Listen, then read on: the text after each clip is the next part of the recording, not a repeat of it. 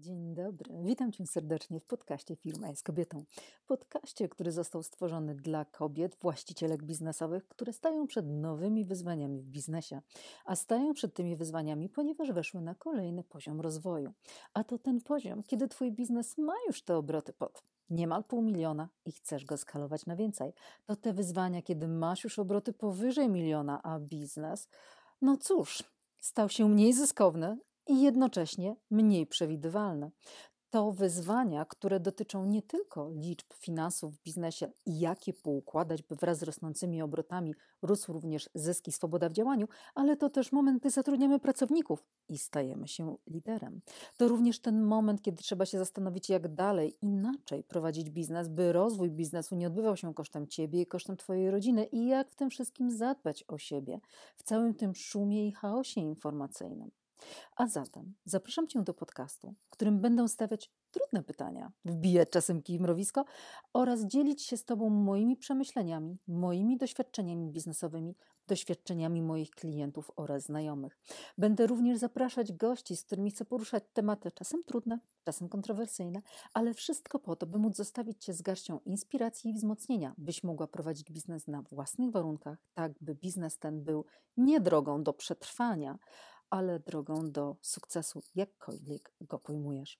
Ja nazywam się Anna Kupisz i jestem właścicielką biznesową, przedsiębiorczynią, biznesowym strategiem finansowym i mentorem. Na co dzień pracuję z kobietami, właścicielkami firm o wysokich obrotach, ale już nie tak pięknych zyskach. Mm, przygotowuję je do skalowania biznesu, stabilizuję biznes, sprawiam, że ten biznes wraz ze wzrostem obrotów będzie rzeczywiście miał rosnące zyski dzięki czemu będą mogły zadbać i o siebie, i o rozwój firmy, i o swoje rodziny. Chcę, żeby nie musiały się stresować kolejnymi inwestycjami, nie musiały się stresować brakiem płynności finansowej, ale również, by na podstawie liczb w biznesie potrafiły podejmować właściwe decyzje biznesowe i odnośnie kształtu własnych produktów i usług, jak również odnośnie segmentów klienta, do których potrzebują targetować swoje produkty. Innymi słowy, Pracuję z kobietami nad zwiększeniem zyskowności biznesu i jego przewidywalności poprzez zanurzanie strategii biznesowej w liczbach, tak by moje klientki mogły przestać się stresować, obawiać o finanse, by biznes pozwolił im na prowadzenie prawdziwego, spełnionego życia. Zatem zapraszam Cię serdecznie do mojego podcastu.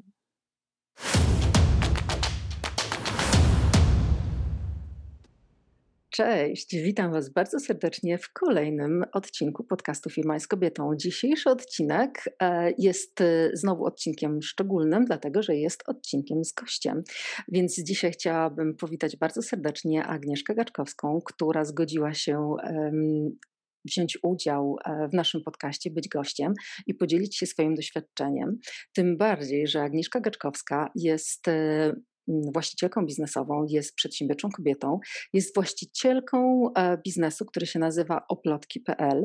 E, no i słuchajcie, no, dla mnie Agnieszka jest niesamowitym człowiekiem, dlatego że już sama nazwa może Wam sugerować, e, że oplotki.pl, hmm, czyżby handmade? Tak, handmade. I słuchajcie, wygląda na to, że Agnieszka jest jedną z tych osób, które najnormalniej w świecie kilka lat temu nie miały pojęcia, że z tak zwanego wacikowego biznesu można zrobić prawdziwy biznes, a ponieważ nie miała o tym pojęcia, to przyszła i zrobiła. E, no i e, słuchajcie, dzisiaj chciałabym Agnieszkę się właśnie popytać, e, jak to w ogóle się wydarzyło, że weszła, no właśnie, bo to też jest bardzo ciekawy moment, kiedy myśmy się z Agnieszką poznały, ponieważ ja miałam tak. olbrzymią przyjemność pracy z Agnieszką. Agnieszka przyszła do mnie, no właśnie, kiedy już te obroty sięgnęły tego pół miliona, e, no i trzeba było zacząć skalować biznes na milion, e, więc e, wtedy rzeczywiście przyglądałyśmy się jej liczbom. No i właśnie chciałabym, Agnieszko, się ciebie zapytać, jak to wyglądało, jakie były twoje największe wyzwania, ale też i sukcesy, jeżeli chodzi o wprowadzanie biznesu, no najpierw na ten, wiesz, pół miliona, nie? Dlatego, że na pewno tak. wiele naszych słuchaczek, szczególnie jeżeli jesteście z branży handmade'owej albo produktowej, przypuszczam, że to, z czym się będzie dzieliła Agnieszka, będzie dla Was bardzo um, wartościowe, ale też, żebyśmy porozmawiały sobie chwilę, jakie przed Agnieszką stoją wyzwania, no bo już zaczęła, tak? No przecież myśmy w styczniu pracowały, zaczęły pracę razem, tak. więc de facto skalowanie tego biznesu rozpoczęłaś już w marcu na ten milion i zobaczcie jeszcze, w jakich czasach przyszło jej skalować biznes, w czasach dodajmy, mamy teraz lipiec 2022, szalejąca inflacja, e, no a tu się okazuje, że no właśnie, inflacja inflacją, pogarszająca się sytuacja pogarszającą sytuacją, a mhm. zobacz, twój biznes jest na rynku e, i jednak E, działa, funkcjonuje i to wcale nieźle, nie? No więc tak. Agnieszko, przede wszystkim witam Cię serdecznie i cieszę się bardzo, że przyjęłaś zaproszenie. No i powiedz jeszcze może kilka słów więcej o sobie. Wielkie dzięki Ania za ten super wstęp i rzeczywiście no, zaczęłabym od tego, jak się poznałyśmy, bo przyszłam do Ciebie z tym luksusowym problemem. O, mój biznes wyciąga prawie pół bańki i nie zostaje mi za wiele w portfelu. Tak wiesz, problem, e, wiesz, white rich people problem, jak to się śmiejemy czasami, nie? I e, rzeczywiście przyszłam do Ciebie w momencie, kiedy coraz więcej też takich, e, no, takich psychosomatycznych, wiecie, strachów, czy ja będę miała na pensję dla pracowników, czy mi się uda związać koniec końcem miesiąca, trójkę dzieci mam na pokładzie, tak?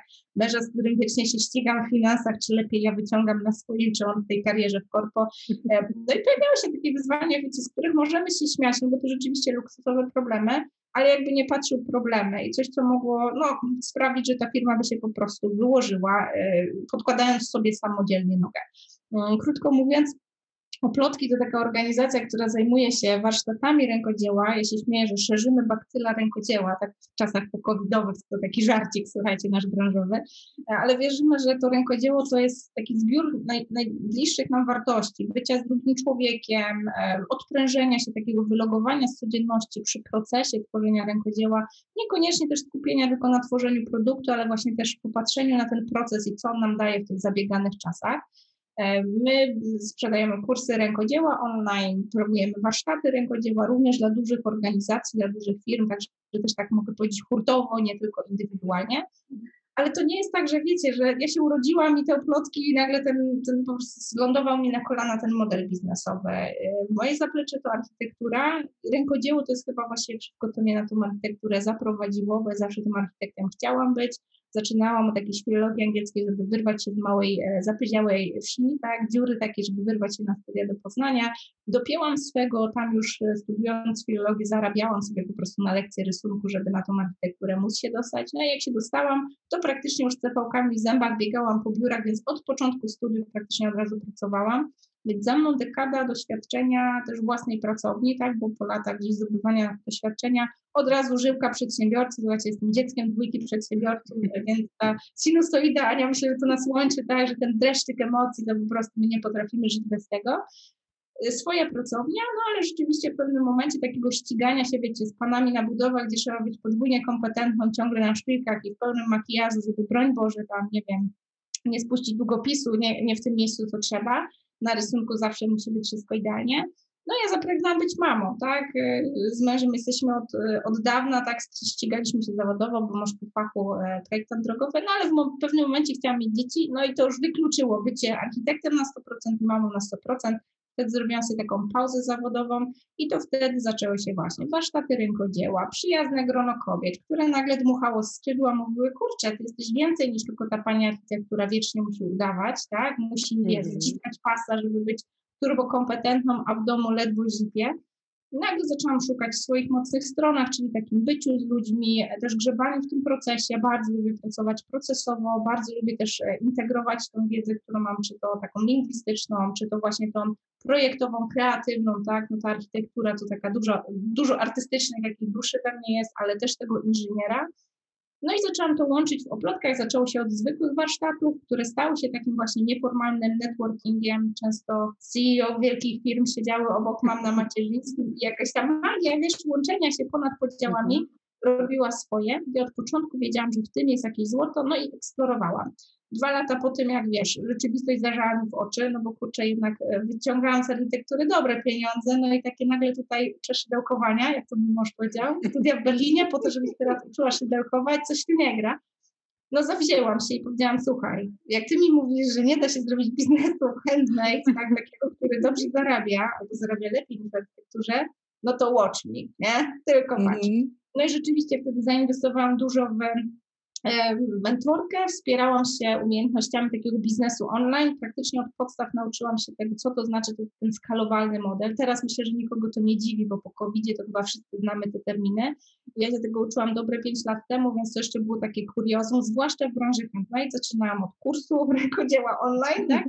To był produkt bardzo niszowy, głównie dla kobiet, które gdzieś tam po nowotworach bały się przyjść na taki warsztat, bały się pokazać, nie miał włosów, brwi, tak? Więc one sobie wolały w tym online tak bezpiecznie, bez włączenia kamery. To był bardzo produkt niszowy.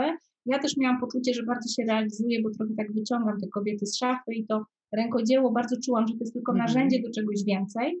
No ale rzeczywiście, kiedy przyszedł COVID, no to wszystkie nasze produkty, już wtedy nie tylko e, szydełko, jakaś tam makrama, już punch wiele innych technik, tak, już ta organizacja trochę rosła, były też inne osoby na pokładzie znające inne techniki rękodzieła, ona eksplodowała, więc w moim przypadku ten COVID, który pewno zabił bardzo wiele działalności, w moim przypadku to był katalizator wielkiego wzrostu, wtedy też pojawiły się duże organizacje, myślę, że mogę wspomnieć na firma Rossmann czy Alvior Bank, tak, takie duże, poważne mhm. organizacje, zaczęły się zgłaszać do mnie, bo widziały, że to nie jest tylko ta warstwa uczenia rękodzieła, ale też e, dawania takiej bezpiecznej przestrzeni w online, gdzie pracownicy mogą pobyć razem, zrzucić z siebie trochę taki ciężar codzienności, ale też e, networkować cross-strukturę, czyli no powiedzmy pani mhm. prezes z HR-ów, tak, mogła z tą przysłowiową panią, coś siedzi na kasie, pobyć w jednej przestrzeni i po prostu w tym kontenerze gdzieś e, no, wymieniać się takimi wiesz, informacjami, które budują organizację.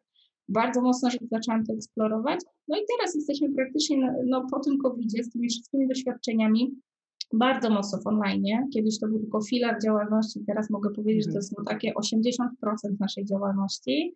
E, oprócz tego oczywiście robimy jeszcze eventy stacjonarne, tak, bardzo często to są duże eventy zamawiane, czy właśnie eventy firmowe, Tutaj bronimy się tym, że nasza organizacja jest duża, mamy bardzo wiele kontaktów rękodzielniczych, więc takie nawet duże eventy, gdzie tam 5, 6, 10 osób obsługuje taki event, spokojnie dajemy radę robić, ale jednak największą frajdę sprawia właśnie prowadzenie e, takiej przestrzeni, wymiany myśli. Ja to nazywam darciem pierza 2.0, czyli czymś, czego nam trochę w dzisiejszych czasach brakuje. Wyjścia ze swojej bańki, spotkania się pod pretekstem rękodzieła, ale tak naprawdę po prostu bycia w takiej przestrzeni rozmowy, dialogu, uczenia się nawzajem, takiego właśnie nie, że ktoś jest uczniem i nauczycielem, tylko w takim trochę kręgu mhm. mentorowania sobie nawzajem. Tak. No to zobaczcie, to pozwólcie, że kilka rzeczy podsumuję, bo tutaj jak ty mówiłaś o tej swojej drodze, to mi się pojawiły tak naprawdę punkty e, bardzo ważne, które doprowadziły cię do e, tego sukcesu,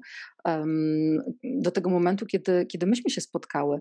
Bo zobaczcie, co tutaj się pojawiło. Po pierwsze, pojawiła się pewna refleksja, nie? I to jest to, czego bardzo często się zaczyna.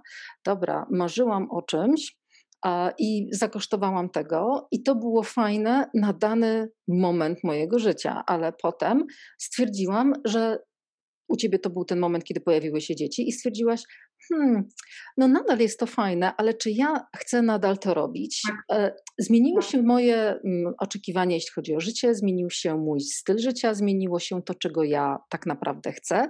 Wcześniej chciałam tego, teraz chcę czegoś innego. Hmm, inny biznes. Nie? I w tym momencie z własnej pracowni e, przeskoczyłaś do biznesu, który pasował ci w tamtym, w tamtym momencie, tak? Bardziej pasował do Twojego nowego stylu życia, do tego, co się w Twoim życiu zadziało. No więc zobaczcie, ten pierwszy punkt to jest ten punkt, ok, no to co mi pasuje, co mi nie pasuje i gdzie ja chcę tak naprawdę być i jak ja chcę pracować. Więc to jest w ogóle, można powiedzieć, no Ania, ale jak to punkt do sukcesu, tak? No ja bym powiedziała, to jest pierwszy milowy krok, żeby rzeczywiście określić, co ja tak naprawdę chcę robić, w jaki sposób ja chcę żyć i pod to zacząć robić biznes. No więc tak. tutaj to ten kawałek, który był tak tych x lat temu, który u ciebie się zadział. No ale pójdźmy dalej, słuchajcie, zobaczcie. Tak mhm. naprawdę przez całą opowieść um, Agi słychać było um, wymiana myśli, a to siedziałyśmy sobie na tym warsztacie, a to czasem były rzeczywiście i pani CEO i zobaczcie, tak naprawdę od samego początku, tak jak opowiadasz, potwierdź, Twój biznes osadzony był na relacjach, na poznawaniu mhm. kobiet, na umożliwianiu im poznawania siebie, na budowaniu e, relacji z innymi ludźmi. E, no i w związku z tym ta relacyjność działała no magicznie, umówmy się, dlatego że no to przecież tak, po pierwsze, już wtedy miałaś zadzierzgnięte pierwsze kontakty, no właśnie z korporacjami, które teraz stały się bardzo fajnymi klientami i do ciebie przychodzą. No kurczę, to jednak jest przenoszone tą drogą od, od ust do ust, tak? Wtedy tak. kilka osób kilka. Prowadziłaś te warsztaty na żywo cały czas, więc nie kilka, ale rzeczywiście te kobiety najnormalniej w świecie chciały być przy tobie, bo miały relacje, miały też relacje z innymi kobietami dzięki, dzięki tobie. Mm, co też oczywiście, słuchajcie, no, ja bardzo często o tym mówię. No, w zasadzie mówiłam cały 2015, 16, 17, 18, zanim zaczęłam tak. bardzo mocno mówić o liczbach. Bardzo dużo mówiłam, że słuchajcie, w sprzedaży najważniejsze są relacje, bo to one budują zaufanie, to one pozwalają wyrobić sobie opinię na temat produktu, na temat czy usługi, na temat firmy. No i w tak. związku z tym te relacje tak naprawdę zaowocowały potem biznesem. Tak, myślę, że tak naprawdę w ten sposób poznałyśmy. Ja też mam bardzo wielką wdzięczność dla Marii, jak słucha podcastu, to pozdrawiamy, bo to właśnie Maria, która przeszła tą drogę, mam wrażenie, że też w biznesie jest kilka kroków przed nami, jeżeli chodzi o te finansowe, powiedzmy, te zabiegi skalowania swojego biznesu i to od niej dostałam namiar na Ciebie. Śmieję się, bo to trochę jest taki mechanizm, że wiesz, ja tam nawet nie patrzyłam na stronie, gdzie tu jest guzik, żeby zarezerwować godzinę, tak? Patrzę o rety, kosmiczna kwota, wiesz, za, za konsultację. Teraz wiem, że to jest część Twojej strategii, żeby trochę odstraszyć takie przypadkowe osoby, ale ja tam, no dobra, płacę, bo ja wiem, że mi ktoś polecił, chce się spotkać. I ja pamiętam, że byłam w takim punkcie, że jakby przez cały też, też rozwój działalności oplotki, ja miałam takie poczucie, że niezależnie w jakiej branży by mnie gdzieś tu rozrzucił, tak, to ja jestem tym typem osoby, który ma taki ten kręgosłup, że jak coś robię, to robię porządnie, tak, to było aktualne na filologii angielskiej, jak uczyłam dzieciaki, mhm. żeby zarobić, wiesz, na lekcje rysunku, to było aktualne na architekturze, jak robiłam komuś projekt, nie wiem, domku jednorodzinnego, albo jak robiłam rewitalizację cukrowni, wiesz, tysiąc metrów kwadratowych dla, za jakieś kosmiczne w ogóle pieniądze. I to było jak najbardziej aktualne i w momencie, kiedy zaczynałam pracę z rękodziełem, i w momencie, kiedy teraz rozwijam i skaluję biznes. I mam poczucie, że kiedy Ciebie poznałam, to te pierwsze, wiesz, pierwsze momenty rozmowy, oczywiście, no to ja tam opowiadałam, tak, co robię, jak robię, tak poznawałaś ten model biznesowy, ale od razu miałam takie poczucie, że coś kliknęło, że jestem wśród swoich, że trochę jest takie racjonalne poczucie, że jesteś w tej samej lidze. Osoby, która wie, co robi, wie, czym może służyć, wie, czym jest dobra, nie wstydzi się powiedzieć, tutaj robisz nie tak, tu ci pokażę, to wiem lepiej, ale też potrafi słuchać i mówi, o, to fajnie robisz, o, tak nie patrzyłam na te rzeczy, tak? Ja od razu miałam takie poczucie takiej fuzji, że jakby to moje doświadczenie, wiedza, sposób podejścia do biznesu jakoś e, zaciekawia Ciebie, a z drugiej strony miałam to poczucie, jak wiele jestem w stanie się nauczyć w kwestii tych właśnie tego liczenia, bo oczywiście, no nie czarujmy się, żeby dojść do pół miliona, no to jakąś podstawową wiedzę, tam umiejętność przeliczenia własnego biznesu trzeba mieć, tak?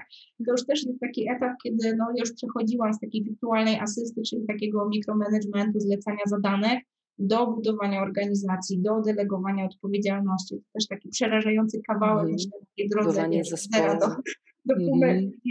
pół miliona. I ja już tu dużo rzeczy miałam zrobionych, ale mimo wszystko były takie rzeczy, których nie umiałam policzyć i liczyłam je takimi metodami, którymi ja sama się uczyłam, powiedzmy, nie wiem, tych podstaw biznesu online, tego dojścia do tych pierwszych, wiesz, 100 tysięcy, 200 tysięcy, tak, przekroczenia tej magicznej cyfry też w naszej głowie takiej, no tego, co jest możliwe w branży handmade, więc umówmy się, ja też szukałam takich e, modeli, których mogłabym zobaczyć. No nikt nie robi takiego modelu biznesowego jak ja w oparciu o rękodzieło, tak? Na świecie gdzieś to się robi, ale to też są zupełnie inne modele, oparte o różne jakby inne aspekty, tak? E, no i rzeczywiście tutaj było dużo roboty do zrobienia, ale kiedy spotkałam się z Tobą i z Twoim podejściem do cyfr, nagle zobaczyłam, jak bardzo ten mój biznes, który wydawać by się mogło, jest taki super wyjątkowy i rzeczywiście mam poczucie, że jestem liderem branży, tak? I teraz mam taki ownership tego, tak? Za chwilę mm. robimy, wiesz, konferencję pierwszą w Polsce dla branży handmade tego. I z jednej strony mam takie poczucie, że no, no mamy to, ale z drugiej strony zobaczyłam, jak bardzo ten biznes wcale nie jest wyjątkowy. On podlega takim uniwersalnym zasadom, które ty potrafiłaś sparametryzować w przepięknym narzędziu y, i proces, w którym pracowałyśmy, odsłaniał mi co chwilę takie rzeczy, że zobacz, jak się tego raz nauczysz, to tak naprawdę wiesz, już rozumiem o co chodzi z tymi seryjnymi przedsiębiorcami. To są takie kompetencje, które wiesz, bierzesz, wkładasz kolejny biznes, dobra, robię, mm. jadę ze schematu, nie? I mm. bardzo się cieszę, bo dałaś mi takie kompetencje, które, i myślę, że dlatego ten podcast też ma taki sens, że choćbyśmy nie wiem w jakiej branży działali i bardzo byli wyjątkowi może w swoim modelu biznesowym, podejściu do biznesa, też jak, jako my, jako ludzie, to jednak te cyfry i te pewne etapy w biznesie, tak od 0 do 100 tysięcy, wiesz, do pół miliona, później od tego do miliona, tak, przed tym milionem, mm -hmm. są pewne rzeczy, które, no, to są takie drobne myki, które trzeba znać, i one bardzo mocno rozwijają się właśnie o cyfry. Tu się można wykrzaczyć albo pójść dalej. Znaczy rzeczywiście, no to jest tak jak mówisz, jest taki moment, ja często się śmieję, że ten moment zaczyna się mniej więcej, jak już się te obroty zaczynają około 350 tysięcy, bo to jest mniej więcej ten moment, kiedy tak. zaczynamy zatrudniać. No i to jest ten taki kawałek, gdzie e, ten sukces może stać się początkiem porażki, albo może stać się początkiem większego sukcesu.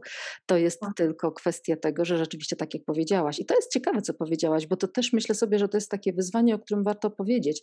Słuchajcie, inne rzeczy się liczy i inaczej się rzeczy liczy, jak my jesteśmy na tym początkowym etapie, lub bym powiedziała tak, można inaczej rzeczy liczyć, można liczyć na większym poziomie ogólności, ale w tak. pewnym momencie przychodzi taki kawałek, gdzie ja pamiętam bardzo dobrze, ja bardzo mi się podobał Twój model biznesowy. E, to też jest tak, że e, e, strasznie podobało mi się to, że Ty byłaś naprawdę świetnie przygotowana do tej konsultacji, tak? W tym sensie, że słuchajcie, żebyście, żebyście wiedziały, co zrobiła Aga. Ja zresztą bardzo zachęcam do tego, tego te dziewczyny, które myślą o konsultacji, dziewczyny, jakby tak, nie od parady jest tej, cena tej konsultacji taka, a nie inna. Jak zaczynamy współpracować, spoko, odejmujemy ją sobie od potem ceny współpracy, ale jeżeli nie, wy macie wyjść już z wartością, ale żebyście wy wyszły z wartością, to wy musicie tą wartość ode mnie wziąć.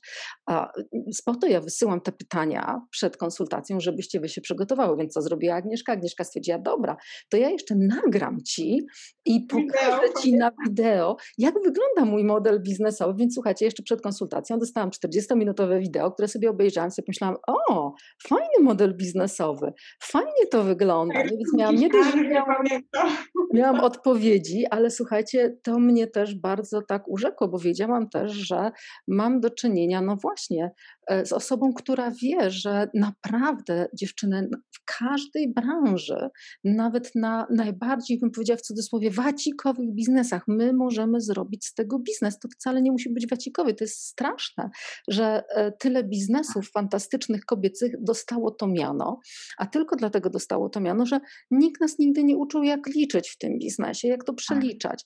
I już zaczynają się problemy, e, bardzo często to jest moje takie spostrzeżenie, nie wiem, e, czy e, też się podzielisz, że właśnie też są problemy z takimi branżami mniejszymi, szczególnie handmade'em, tak. żeby w ogóle wejść nawet na te obroty 150 e, rocznie, 150 tysięcy rocznie, tak? Żeby wejść na tego typu obroty, żeby w ogóle nawet zrobić te pierwsze wyceny. I tutaj mogę Wam zdradzić sekret, że no właśnie, ponieważ no ja już przestałam się zajmować takimi biznesami, no wiecie, nie można robić po prostu wszystkiego, tak? To tak. jest ten moment, kiedy trzeba zacząć dokładnie się rozwijać się i wchodzić coraz głębiej w swoją tematykę. Natomiast Agnieszka jest osobą, która prowadzi mastermindy i ma też kursy e, o tym, no jak na tych wczesnych etapach wyceniać to rękodzieło, żeby na dzień dobry nie umoczyć, żeby rzeczywiście, wybaczcie to kolokwialne słowo, umoczyć, tak? tak ale żeby, żeby dojść tak. jednak do tego momentu, tak, no i ja to się śmieję, Agnieszko, bardzo się cieszę, że jesteś na rynku, ponieważ pomagasz dziewczynom dojść do tego momentu, żeby mogły pracować ze mną. Tak, to tak pół żartem, interes. Z jednej strony, wiesz, to jest kolejna noga tego biznesu. Tak jak mówiłam, to 80% to są właśnie te online'owe warsztaty i tak dalej, ale gdzieś te 10-20% to jest to uczenie e, innych rękodzielników mojego know-how. I ja mówię, kurczę, przecież mi też zajęło kupę czasu, żeby przebić się w swojej głowie, tak, no bo wiesz, na wystawienie pięciocyfrowej faktury za architekturę, to ja mam szufladę dyplomów, spoko, tutaj mój mindset, tam ja wiem, co robię i ile za to e, biorę, nie, ale żeby wziąć pieniądze za warsztat szydełkowania. Szydełkowania uczyła mnie babcia, e, i wiesz, jeszcze to poczucie, że w ogóle zaczynam teraz w totalnie nowej branży, gdzie jak próbowałam zacząć i szukałam jakichś danych, to w GUSie to to funkcjonuje w ogóle jako jakieś masterkowanie, tak? Więc nawet danych porządnych nie masz, jak ten rynek zbadać w ogóle, wiesz, jak się to przemierzyć fachowo.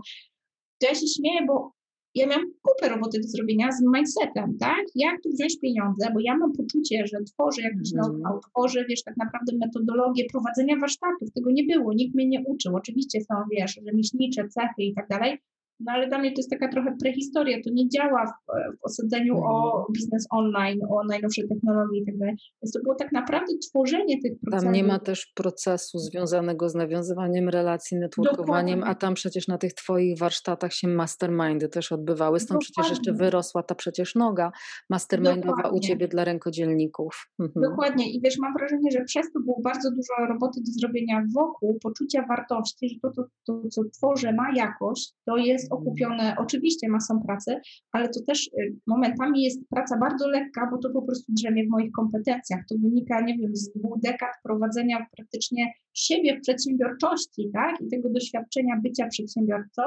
I śmieję się, bo zaczynałam oplotki rzeczywiście od zera, teraz to jest szósty, siódmy prawie rok, tak licząc zupełnie od zera, od pomysłu, tam dwóch lat siedzenia, wiesz, z tymi dziećmi w domu, inkubacji pomysłu, no to mhm. powiedzmy pięć lat takiego no, prowadzenia biznesu z tym, z tym myśleniem, to ma być biznes, to ma zarabiać. I to nie zadziałoby się tak szybko, gdyby nie te 20 lat doświadczenia, tak naprawdę, wiesz, zarabiania na głupich korepetycjach z angielskiego, a później, wiesz, dekady architektury i, i, wiesz, delegowania zadań. Ale do czego zmierzam, że rękodzielnicy, mam wrażenie, że to jest taka dosyć specyficzna branża. Po pierwsze, bardzo sfeminizowana, więc tutaj wchodzą nam te wszystkie kalki kobiet, tak? Brak poczucia mm -hmm. własnej wartości, tak? Bądź cicho, w kącie znajdą cię i te wszystkie, wiesz, bądź miła i w ogóle jak żądasz, to jesteś B, tak? E, wchodzi nam to, ale dodatkowo w tej branży jest takie przeświadczenie tego mitu biednego artysty, że jak ty jesteś prawdziwym artystą, to jeżeli ty zarabiasz pieniądze, to coś tu zgrzytnęło, że albo jesteś biednym kurczę Van Gogiem, tak, jesteś wybitny, albo zarabiasz pieniądze i gdzieś tam był przekręt, nie? Dokładnie. Pieniądze to zarabiać będą twoje dzieci, jak ty już umrzesz, nie? Bo wtedy tak, zostanie tak, docenione. Tak, jak dzieła po prostu za, za dwie dekady, nie?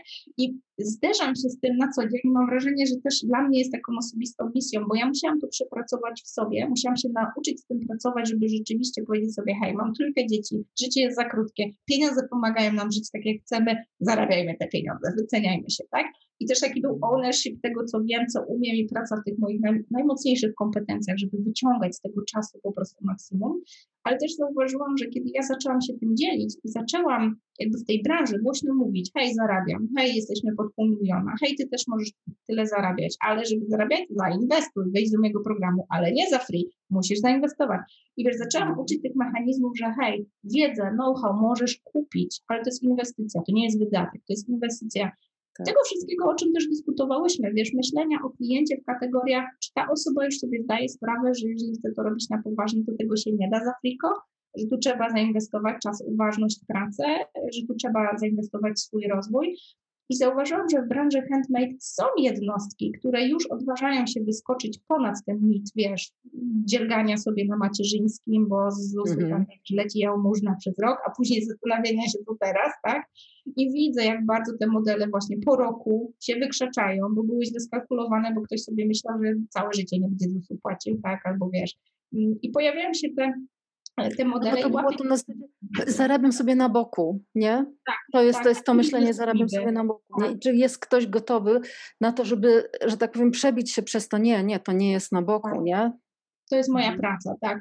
I zauważyłam, że w tej branży, i też mi to pokazała rozmowa z Tobą i praca z Tobą, że to znowu jest coś, co jest e, jakby takie bardzo specyficzne i nam się wydaje, że my jesteśmy tacy wyjątkowi w tym handmade, ale jednocześnie tak bardzo uniwersalne. Jak Ty sobie źle policzysz ten biznes, to on nie wyjdzie. A jak ty siądziesz z tym Excelem i go dobrze policzysz, no to ci wyjdzie. A jak tego nie umiesz robić, to poproś o pomoc. Ktoś to umie robić i cię tego nauczy. Da ci gotowy Excel i policzysz sobie. Więc jakby zobaczyłam i też tak tłukę naszym rękodzielnikom, że właśnie jesteśmy w tym, w tym pewnym obszarze artystami i tutaj ceni się naszą kreatywność, naszą wizję i tu nam nikt nie może podskoczyć i powiedzieć, co i jak mamy robić. Tu jesteśmy artystami, ale jednocześnie jest ta sfera też budżetu e, biznesu i prowadzenia tego biznesu w oparciu o rękodzieło. I tutaj jak najbardziej inwestujmy w specjalistów, tak jak ja zgłosiłam się do Ciebie, i ja bym sobie tu mogła siedzieć i próbować wymyślić koło od nowa, ale tak naprawdę przyszłam po gotowy wzorzec i teraz mam poczucie, wow, przekalkulowałam produkty cyfrowe, produkty fizyczne, oferty dla korporacji, nagle wszystko wiem, co i jak, gdzie ten VAT. I mnie już nie tak. Niesamowite jest to, co mówisz, bo powiem Ci, że rzeczywiście tutaj poruszyłaś taki bardzo ważny wątek e, i myślę sobie, że to w wielu biznesach dziewczyny to tak jest, szczególnie w biznesach e, usługowych, ale nie tylko, w biznesach produktowych również klient musi być gotowy na zakup. Więc Tak. w tej naszej segmentacji klienta to jest bardzo ważne, żeby wprowadzić mechanizmy, e, które wyłuskają nam tego klienta gotowego na Tak. zakup, gotowego na pracę z nami. I to też powiedziałaś bardzo wyraźnie tutaj. No tak, no jak ja myślę o tych też moich mastermindach, czy o takim tym kursie powiedzmy um, online'owym, jak wycenić to rękodzieło, które masz, tak? Tak. Czy nawet jak ja sobie myślę o tej twojej konferencji, która będzie bodajże we wrześniu. Słuchajcie, powiemy wam Tak, jeszcze na tak, samym końcu, bo to jeżeli no. słuchają nas rękodzielnicy, będzie bardzo fajna konferencja, którą dla rękodzie- rę- rękodzielników e, robi Agnieszka, ale to też tam musi być już pewna gotowość, tak? I myślę sobie szczególnie, kiedy mm, ja też jak myślę i o sobie, ale też myślę na przykład o na przykład dietetykach, albo o y, stylistach, albo o fotografach, albo o, czyli zobaczcie, ale no jakby nawet przy architektach, przy biurach architektonicznych, którzy, albo architektach wnętrz, musicie Tak. mieć klienta gotowego na zainwestowanie, gotowego na zapłacenie. I ja zdaję sobie sprawę z tego, że to jest niesamowity mindset do wykonania od samego początku. Ja Wam mogę powiedzieć jedno: praca nad mindsetem, czyli praca nad swoim rozwojem i nad tym, jak myślisz, jak postrzegasz rzeczywistość, jak postrzegasz swój biznes, nigdy się nie kończy. Bo to jest tak, że Tak. najpierw to jest ten kawałek, o którym Ty powiedziałaś, w ogóle wychylenie się. Nie? I zobaczenie, no dobra, to już nie jest praca na boku, ja nie chcę mieć pracy na boku, ja chcę rzeczywiście na tym zarabiać, nawet jeśli mam sobie sama stworzyć miejsce pracy, ale to muszę na tym zarabiać, tak? I to jest pierwszy taki kawałek i bardzo dużo, pięknie, w ogóle to miód na moje serce, kiedy mówiłaś o tym, praca na mocnych stronach, e, poczucie tego swojego, e, poczucia własnej wartości, e, żeby taki rzeczywiście to jest moja praca, zrobienie tego, nie? I to jest ten pierwszy kawałek. Potem ten kawałek na zasadzie, kurczę, to rzeczywiście to był mindset, który y, ze mną z kolei robiłaś, jak myśmy to wszystko wyliczały. Ło, dziewczyny, słuchajcie, przy liczbach, przy pracy na takich liczbach, na jakich my pracowałyśmy, proces mindsetowy, jaki się odbywa, to jest po prostu głowa mała, który jest w to Tak. wpisany, ale ja wam mogę powiedzieć ze swojej strony, ja w tym momencie, idąc dalej ze swoim biznesem, jednym czy drugim i planami biznesowymi, no to to jest znowu kolejny mindset. To jest czasem takie uczucie, że macie wrażenie, jak, jakby mózg wam po prostu się. New level, new devil, nie? po prostu tam kurczę, puchł, nie? I nie mieścił się niemalże w tej czaszce. No ale tak, no bo nagle wiecie, macie spojrzeć, kurde. No, mam tworzyć biznes, który ma mieć nie obroty siedmiocyfrowe, ale ja chcę mieć zyski siedmiocyfrowe. Ja chcę Tak. mieć obroty już, e, które są ośmiocyfrowe, nie? I wiecie, no i planowanie tego, w ogóle decydowanie o tym, no to jest po prostu głowa mała. Ale Tak. ten mindset, o którym powiedziałaś, jest niesamowity. Ja tu raz jeszcze wrócę do tego, że w Twoim, to co mi się bardzo podobało też w Twoim modelu biznesowym, to było to, że były, był bardzo jasny podział na produkty, które są dla klientów, którzy absolutnie nie muszą biznesowo myśleć o handmade, tak? I to jest Tak. fajne, ale potem, kiedy są już y, produkty dla klientów, którzy biznesowo chcą myśleć o handmade, to mówisz, stój, to jest inwestycja. Musisz zacząć postrzegać to inaczej. Czyli robiłaś ten filtr, to jest też to, co ja robię na konsultacji. Ja robię filtr na zasadzie albo Tak. wejdziesz w te finanse, niezależnie od tego, czy wejdziesz w nie e, ze mną, czy beze mnie, ale ja chcę mieć pewność, że zainwestowałaś już pewne pieniądze, które sprawią, że weźmiesz wartość i kurde, weźmiesz i za, mm, zaimplementujesz pewne rzeczy, o których ci mówię, bo ja wtedy wiem, że ta konsultacja ci się zwróci w trymiga, tak? A jak zaczniesz ze mną pracować, to jedziesz już na te, tak?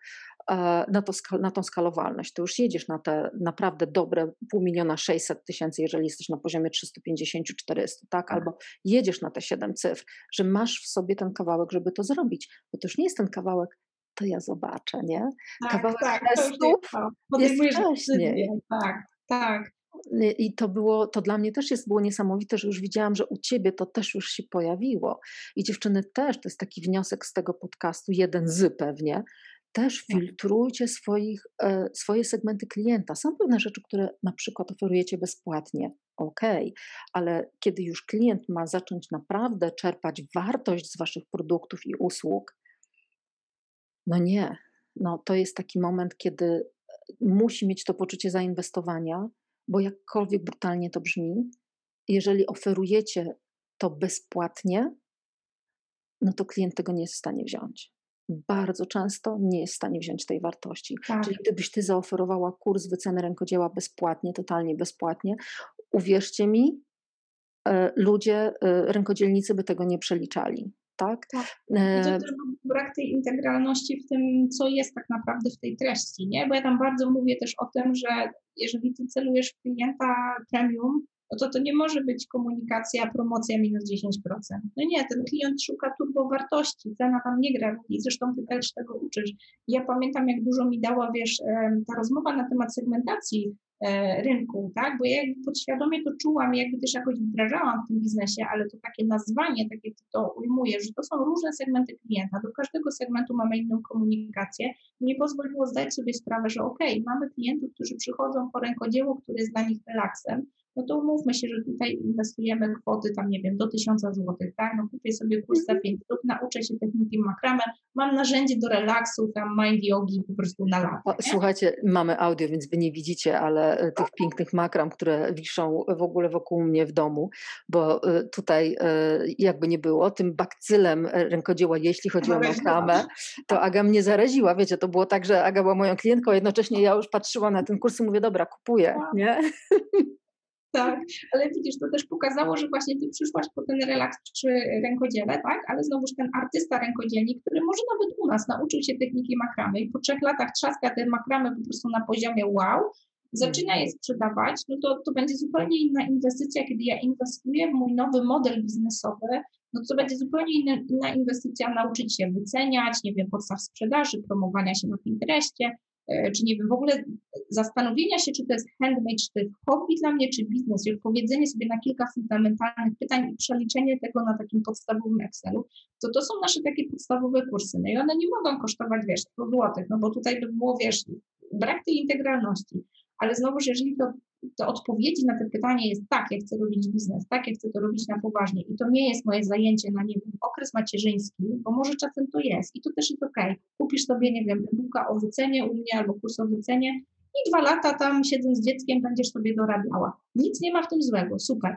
Ale jeżeli ty myślisz o biznesie na lata, może nawet biznesie, który, nie wiem, marzysz o tym, że wyniesiesz z miasta na wieś i tam w tej agroturystyce będą do Ciebie przyjeżdżać, jak ich tam będziesz uczyć, wiesz, tej makramy, no to to jest biznes model na dwie dekady minimum, jak nie całe życie. No to inwestycja w półroczny program, który zrobi Ci podwaliny, wiesz, tego biznesu, rzędu 5 tysięcy, teraz akurat Akademia mniej więcej tyle będzie kosztowała, ona się też zmienia z roku na rok, no to to jest inwestycja śmieszna w porównaniu do tego, w co Ty inwestujesz. Biznes, który ma Ci dać 20 lat. I ty teraz... jak bardzo ta segmentacja mi pozwala też jakby zupełnie inaczej mówić do osób na zupełnie innym etapie rozwoju. No i też mi uświadomiłaś, że moje mastermindy, które tak nie wiedziałam, co z tym zrobić, no bo oplotki celujemy w branży rynkodzieła, tak? Wiadomo, nawet jak uczymy biznesu, to celujemy w branżę rękodzieła. Ja też prowadzę mastermindy i dla mnie to było zawsze takie, ok, to jest coś, co ja robię osobiście jako Agnieszka Gaczkowska, CEO Plotki i te mastermindy tak trochę na boku, tak po cichu, żeby tutaj tej komunikacji naszej, wiesz, że to rękodzieło tylko i tak a ty mi pokazałeś, że tak naprawdę, hej, to jest ta sama branża, tylko że inny segment klienta. To jest klient, który jest o wiele wyżej i on nie musi być w branży mm. rękodzieła, ale on chce z branży rękodzieła przez twój filtr uczyć się know-how, które może zaimplementować do swojej branży. I to mi pokazało, jak bardzo ta, ta właśnie ten koncept segmentacji rynku uwalnia nas od tego, wiesz, no bo wszyscy nam tłuką, idealny klient, idealny klient. Ale czasem to jest jedna osoba, ale na przestrzeni czasu ona jest w zupełnie innych miejscach, więc ona jest w innym segmencie rynka. Znaczy, słuchajcie, no to jest w ogóle ten taki kawałek tutaj, który nam w tym momencie wyszedł. To e, dziewczyny, no to nie jest tak, że znowu, że liczby to są tylko liczby, w momencie, kiedy przylicza tak. się biznes, zaczyna się cała rozmowa na temat kształtu firmy, modelu biznesowego, um, przejrzenia tego wszystkiego po kolei, wszystkich produktów. No i tak jak Agnieszko mówisz, ja po prostu zobaczyłam tutaj absolutnie jeszcze niewykorzystany potencjał, który tak. można pięknie rozwinąć, co zresztą teraz robisz. No i słuchajcie, to jest też taki kawałek u Was, dziewczyny, w momencie, kiedy wy siadacie do liczb, i tak naprawdę zaczynacie od tych liczb, to potem następnym krokiem to jest zanurzenie całej strategii w tych liczbach. Ja się śmieję, że wiecie, że wszyscy mówią Ania, Ania liczba, Ania, Ania liczba, Ania ci przeliczy, tak? A potem każdy wychodzi i mówi, te, dyskusje później były. Narzędzie genialne, narzędzie genialne, wykorzystuje cały czas, no ale, no ale to jest ta umiejętność przeliczenia i zanurzenia tej e, strategii w cyfrach, żeby to miało ręce i nogi ale powiedziałeś też jeszcze taką e, właśnie fajną rzecz, zanim ona mi umknie. E, tak jak mówisz tutaj o tym, o tych segmentach klienta, o tym tutaj wzroście tak. firmy i dodatkowym segmencie klienta, no to jest znowu dziewczyny, wróćmy sobie do tego raz jeszcze. Zresztą teraz e, poszedł drugi, e, drugi magazyn, magazyn tak. firma kobietą tak. i tam bardzo dużo jest właśnie o kliencie. Te filtry, które my zakładamy na te segmenty klienta jest bardzo, są bardzo ważne te filtry, żeby rzeczywiście trafiały do Was właściwe osoby. I znowu, tak jak powiedziałaś, ta jedna osoba może mieć swoją ścieżkę. Może być tylko zakończyć na samym początku, na przykład kupi Twoją książkę, tak. kupi twój, e, twój kurs, nauczy się robić makramy, dziękuję, super, a może potem pójść dużo dalej, nie? Więc słuchajcie, też myślcie o tym. A chciałam powiedzieć jeszcze jedną rzecz. Dziewczyny, nie tylko to jest dla handmade'u, ale żebyście też miały jasność, jeżeli chodzi o tą gotowość klienta do zainwestowania. Zobaczcie, wyobraźcie sobie, że macie klinikę dietetyczną. Możecie oczywiście sprzedawać produkty y, czy swoje usługi per godzina, wizyta, a możecie stworzyć program trzymiesięczny, tak. sześciomiesięczny, tak jak Aga w tym momencie ma mastermind sześciomiesięczny, ma akademię. Wy możecie stworzyć program um, uzdrawiania siebie, jakby odzyskiwania zdrowia, cały ten program, przez który e, przechodzi wasz klient, e, który będzie trwał pół roku. I w tym momencie Oczywiście, że ta cena waszego programu, konsultacja wstępna, one będą filtrem, który będzie sprawdzał, czy klient jest gotowy wejść w to zdrowie i zadbać o siebie.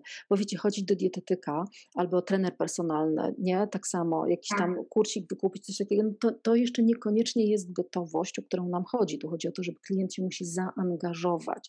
I mamy wiele takich usług i sporo też takich produktów, gdzie klient w korzystanie z tych produktów musi się zaangażować. No i w tym momencie ta cena staje się też elementem strategii. I to jest też piękne. Tak, fajnie, fajnie to pokazałaś. Ja miałam nawet taki namacalny dowód, bo rzeczywiście funkcjonuję jako firma, od niedawna też jako spółka, tak? Kiedyś to była e, działalność osobista, ale też ten drugi podmiot, czyli e, stowarzyszenie, które jakby ma misję, tak? Tam nie ma zarabiać, to bardziej jest właśnie misja. Teraz to liczymy tak, żeby to zarabiało też, ale jakby generalnie zamysł był taki, że jest firma, która zarabia i to ma płacić rachunki, kredyty, żeby dzieciom tam nie brakło na ich baseny i cudawianki, nie? I jest ten podmiot, który powiedzmy ma taką misję właśnie szerzenia tego bakcyla rękodzieła. Ja miałam taki epizod, kiedy właśnie w ramach stowarzyszenia ufundowałam stypendium, jedno miejsce w mojej Akademii Rękodzielnika, czyli ktoś nie płaci za ten program, tylko właśnie tam był taki konkurs, nie? I mieli się zgłosić tam, że dlaczego chcą. No i wiesz, już ten konkurs to był taki, że trzeba było coś zrobić, się wysilić, czy coś, tam trzeba było tylko wideo nagrać. I totalnie subiektywnie wybrałam jedną osobę, która wydała, wydało mi się, że się przyłożyła, żeby zrobić to wideo. Więc jakby takie, co mówisz, nie? że mhm. trochę trzeba od siebie dać, żeby dostać. No ale rzeczywiście później było takie poczucie rozczarowania, że wszystkie osoby, które były na pokładzie i zapłaciły te kupę pieniędzy, to po prostu robiły robotę i były tak zdeterminowane, żeby wyciągnąć z tej inwestycji maks wartości, że to była przyjemność mojej pracy. Każda rozmowa po prostu turbo wartość, przygotowania, no testy, wiesz, milion pytań, tyle. A ta jedna osoba, która dostała to w formie stypendium, a to nie było jej na kolu, a to coś zapomniała, a to miała coś zrobić, zapomniała na to spotkanie, myślała, że następne. Mówię, kurczę, pieniądze to też jest narzędzie do tego, żeby dać transformację no mam wrażenie, że zbliżamy się już do tego powiedzmy dojrzałego etapu rynku handmade, tak, to co już widzimy, nie wiem, w Niemczech, Francji, że nie płacimy tak naprawdę za wiedzę, płacimy za transformację. I ta wartość, którą my chcemy wyciągnąć z tej inwestycji, to jest to, ile myśmy wdrożyli. Więc ta cena to bardzo często jest ten pierwszy element transformacji, nie? There is a transformation in the transaction, nie? Transakcja, transformacja. I mam wrażenie, że coraz bardziej w branży rękodzieła widzę też tą gotowość na inwestowanie w siebie, bo widzę, że te osoby inwestują w różne programy. Jak trafiają do naszego programu i widzą ten stosunek wartości do ceny, mówią: O, rety, tego na rynku nie ma. I to jeszcze tam niż rynku działa, nie? Klient jest gotowy i potem po prostu to wdroży i faktycznie ten program mu się zwróci. To tak. jest też ten kawałek, którym ja też bardzo wyraźnie mówię. No to jest właśnie też, przychodzisz na konsultację, dostaniesz informację, musisz wdrożyć. W przeciągu miesiąca, dwóch konsultacja ci się zwróci.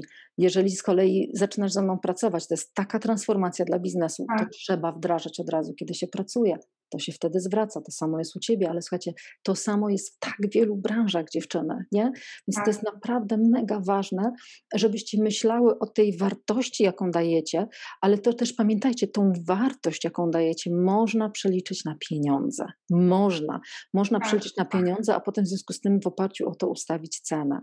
Tak, ja pamiętam, że jak myśmy mhm. policzyły u siebie, to dla mnie tą największą wymierną wartością była ta optymalizacja, no choćby podatkowa, choćby jakaś taka optymalizacja, wiesz, od odpowiedniego wehikułu dla mojego modelu biznesowego, który stał się spółką, tak?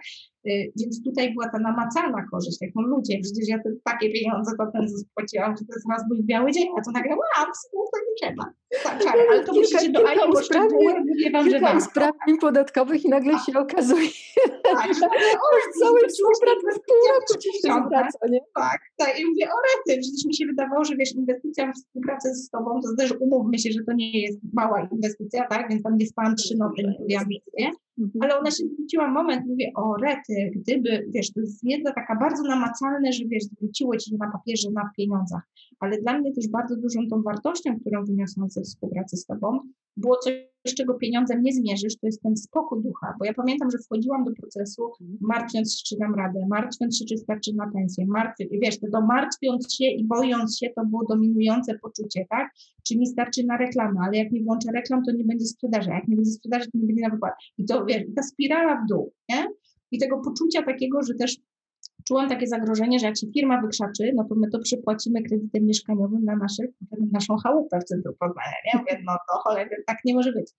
A rzeczywiście po zakończeniu tej współpracy też nauczyłaś mnie tych narzędzi, wiesz, z jednej strony zabezpieczenia majątku prywatnego i rozdzielenia tego od majątku firmy, więc teraz tak trochę jeszcze śmielej, tak wiesz, nie podejmuję w tym razie, bo wiesz, w razie czego ja jestem kryta z chaty, mi nikt nie wyrzuci, żaden komor na chaty nie wejdzie, ale też mi to dało takie, wiesz, takie irracjonalne, totalnie subiektywne poczucie. I ja myślę, że to jest coś, co my jako kobiety mamy, że my bardzo operujemy w tym, e, tym świecie emocji i my się po prostu boimy finansów, boimy dużych kwot, boimy tego, że się też zainwestować, tak. ale kiedy zobacz, kiedy właśnie nawet u ciebie, bo myślę sobie, że u ciebie, kiedy ludzie wchodzą, to też wchodzą e, i znowu w wielu branżach ludzie wchodzą tak. z lękiem, w lękiem we współpracę, więc tak. wy potrzebujecie tym bardziej mieć pewność, że macie klienta, który pozwoli się poprowadzić w tej Dokładnie. współpracy, um, w czymkolwiek pracujecie, bo kiedy on się pozwoli poprowadzić, on odzyska ten spokój.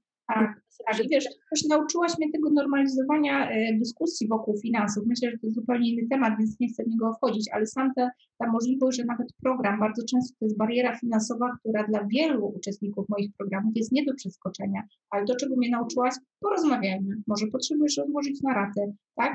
Oczywiście tutaj stosujemy, wiecie, zabezpieczenia, umowy i całą resztę, ale jakby to normalizowanie dyskusji wokół pieniędzy i że to jest ok powiedzieć, wiesz to, nie stać mnie, ale czuję, że ta inwestycja jest mi potrzebna, no bo jak wiecznie będę zbierać, to w końcu nie uzbieram i to mi wiecznie będzie uciekało. Ale to też była dyskusja między nami, no słuchajcie, umówmy się, tak samo jak i do mnie, tak samo jak i do ciebie Agnieszko, przychodzą klienci, którzy no właśnie przychodzą, bo chcą zarobić, bo chcą u mnie, chcą odzyskać tak.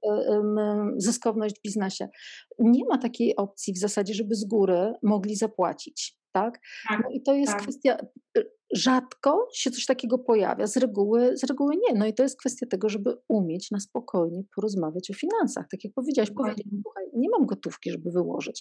No dobra, no to usiądźmy, zobaczmy, czy uda nam się znaleźć rozwiązanie tego, tego problemu.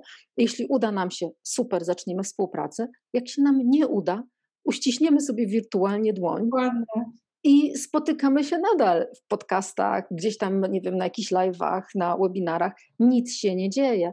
I to jest niesamowite, wiesz, ale to tak jak mówisz, to, to pewnie zachowamy sobie, zaproszę Cię raz jeszcze sobie zrobimy sobie taką, wiesz, e, w ogóle e, o, właśnie o tym e, mindsetie i rozmowy o, o, normaliza o normalizacji tak, rozmowy, rozmowy wokół tak. pieniędzy, o pieniądzach i o tym wstydzie, który się pojawia, kiedy nie mogę sobie na coś pozwolić. No i chodzi o to, żeby tego wstydu tam nie było. Tak. No i tak czuję, Agnieszka, że my tak możemy cały czas. Obie gaduły jesteś. Dokładnie. Natomiast e, myślę sobie, że e, już w tym momencie, w tym podcaście, no, nasączyłyśmy go różnymi ważnymi informacjami. Mam nadzieję zatem, dziewczyny, że dla Was e, to też było um, wartościowe. No i właśnie, my będziemy powolutku w takim razie zmierzać ku końcowi, a jeżeli było to dla Was wartościowe, to najnormalniej w świecie, dawajcie informację zwrotną, czy to w komentarzu, zawsze na tych wszystkich platformach, gdzie ten podcast jest, ale również nawet i w grupie Firma jest kobietą, możecie po prostu napisać informację zwrotną, jakie, co sobie zabrałyście z tego podcastu. Ja ze swojej strony, po pierwsze, serdecznie zapraszam Was na stronę Agnieszki. Ja tak jak powiedziałam, E, ja się uzależniłam w tym momencie od makramy. Od makramy. Tak, więc ale zobaczcie, jakie inne kursy mogą teraz, szczególnie y, mamy lato, niedługo będzie publikowany ten podcast, więc będzie to lato cały czas, ale również wiecie, nie tylko latem się różne ciekawe rzeczy robi w domu, więc y, bardzo rekomenduję Wam odwiedzenie strony www.oplotki.pl, ale również, jeżeli jesteście rękodzielniczkami, no to popatrzcie również sobie na Akademię Agnieszki, a na pewno e, serdecznie zapraszam Was na konferencję. Agnieszko, tylko powiedz, e, kiedy mniej więcej planowana jest konferencja i... Całe się jaram tutaj, ale dobrze, że wizji nie ma, bo byście widzieli, jak ja po prostu przebieram nóżkami, żeby opowiedzieć. Rzeczywiście, robimy pierwszą w Polsce i myślę, że pierwszą dla branży handmade konferencję online, to bardzo się cieszę, bo Ania będzie jedną z prelegentek, więc też poruszymy ten temat finansów, słuchajcie, od strony rękodzieła. Będzie to wydarzenie dedykowane branży handmade, ale myślę, że osoby spoza branży wyciągną z tego bardzo dużo wartości. Poruszymy takie tematy związane z prowadzeniem warsztatów rękodzieła stacjonarnymi, online'owymi, różnego rodzaju modele biznesowe w oparciu o sprzedaż produktu rękodzielniczego. Pokażemy inspirujące modele biznesowe na przykładzie właśnie wywiadów z właścicielami różnego rodzaju biznesów w branży handmade, ale też właśnie Anię zaprosiłam w takim bloku inspiru inspirującym, gdzie chcemy pokazać różnego rodzaju takie mm, inspiracje spoza branży handmade, z których ja bardzo czerpałam, e, tworząc nasz model, po to, żeby Was zainspirować do tego, żeby wychodzić ze swojej bańki. I myślę, że to jest bardzo aktualne we wszystkich branżach, tak? Jeżeli szukamy tej inspiracji poza swoją bezpośrednią konkurencją, poza swoją branżą, to mamy szansę stać się tym liderem. Także zachęcam Was, nawet jeżeli jesteście spoza branży handmade. Ja tylko dodam, Ania, że bardzo jestem wdzięczna za to, że też będziesz uczestniczką tej konferencji, bo myślę, że ile byśmy nie gadały, to zawsze będzie ta rozmowa potrzebna, normalizowanie e, właśnie, mówienie o pieniądzach, wyceniania, poczucia własnej wartości, które przekłada się na to, jak wyceniamy swoje produkty i usługi w branży handmade, ale myślę, że w każdej branży to jest bardzo aktualne i cieszę się, że też tak, wiesz, mogłyśmy osobiście porozmawiać, bo mówię, ja niby tutaj wielka pani CEO i wiesz, i tu mastermindy, wielkie programy i wielki zespół, który oczywiście mi pomaga, bo żeby nie było, ja sama tego nie robię, słuchajcie, mam magiczny zespół, który po prostu robi kawał dobrej roboty, to ja się bardzo cieszę, że ciągle starcza tego czasu, żeby odpowiedzieć na maila, więc tylko to dam ze swojej strony, że jeżeli słuchacie, to dajcie znać nawet na agnieszka.pl, to jest taki mail, który ja sama osobiście czytam, bardzo chętnie posłucham o Waszych refleksjach, bo myślę, że ta dyskusja, którą Ani tu zaczęłaś, to też jest taka dyskusja, w którą bardzo chętnie chcę wchodzić. Nigdy za mało mówienia o pieniądzach, zwłaszcza w kobiecych biznesach barcikowych. Cieszę się, Agnieszko, że przyjęłaś zaproszenie. Słuchajcie, w opisie E, tego podcastu, e, czy to na stronie internetowej, ale również na tych wszystkich platformach, znajdziecie te najważniejsze linki, czyli znajdziecie link do strony Agnieszki, maila do e, Agnieszki, ale również jak tylko będzie gotowy, to również linka do tej konferencji też tam doczepię. No więc bardzo serdecznie dziękuję Wam za wysłuchanie naszej rozmowy. Dzielcie się swoimi komentarzami, swoimi perełkami, które sobie zabrałyście. My się słyszymy w kolejnym podcaście, a tymczasem Agnieszko, bardzo dziękuję Ci za udział w tej rozmowie. Wielkie, Wielkie dzięki za zaproszenie, Ania. Ja tylko dodam, koniecznie podzielcie się chociaż z jedną osobą tym podcastem, bo to robi robotę, słuchajcie. Niech się kolejna kobieta dowie o tym, co Ania nagrywa, bo to się bardzo, bardzo przyda. Dzięki Ania za zaproszenie. Dzięki wielkie. Trzymaj się w takim razie i Wy też trzymajcie się. Do zobaczenia.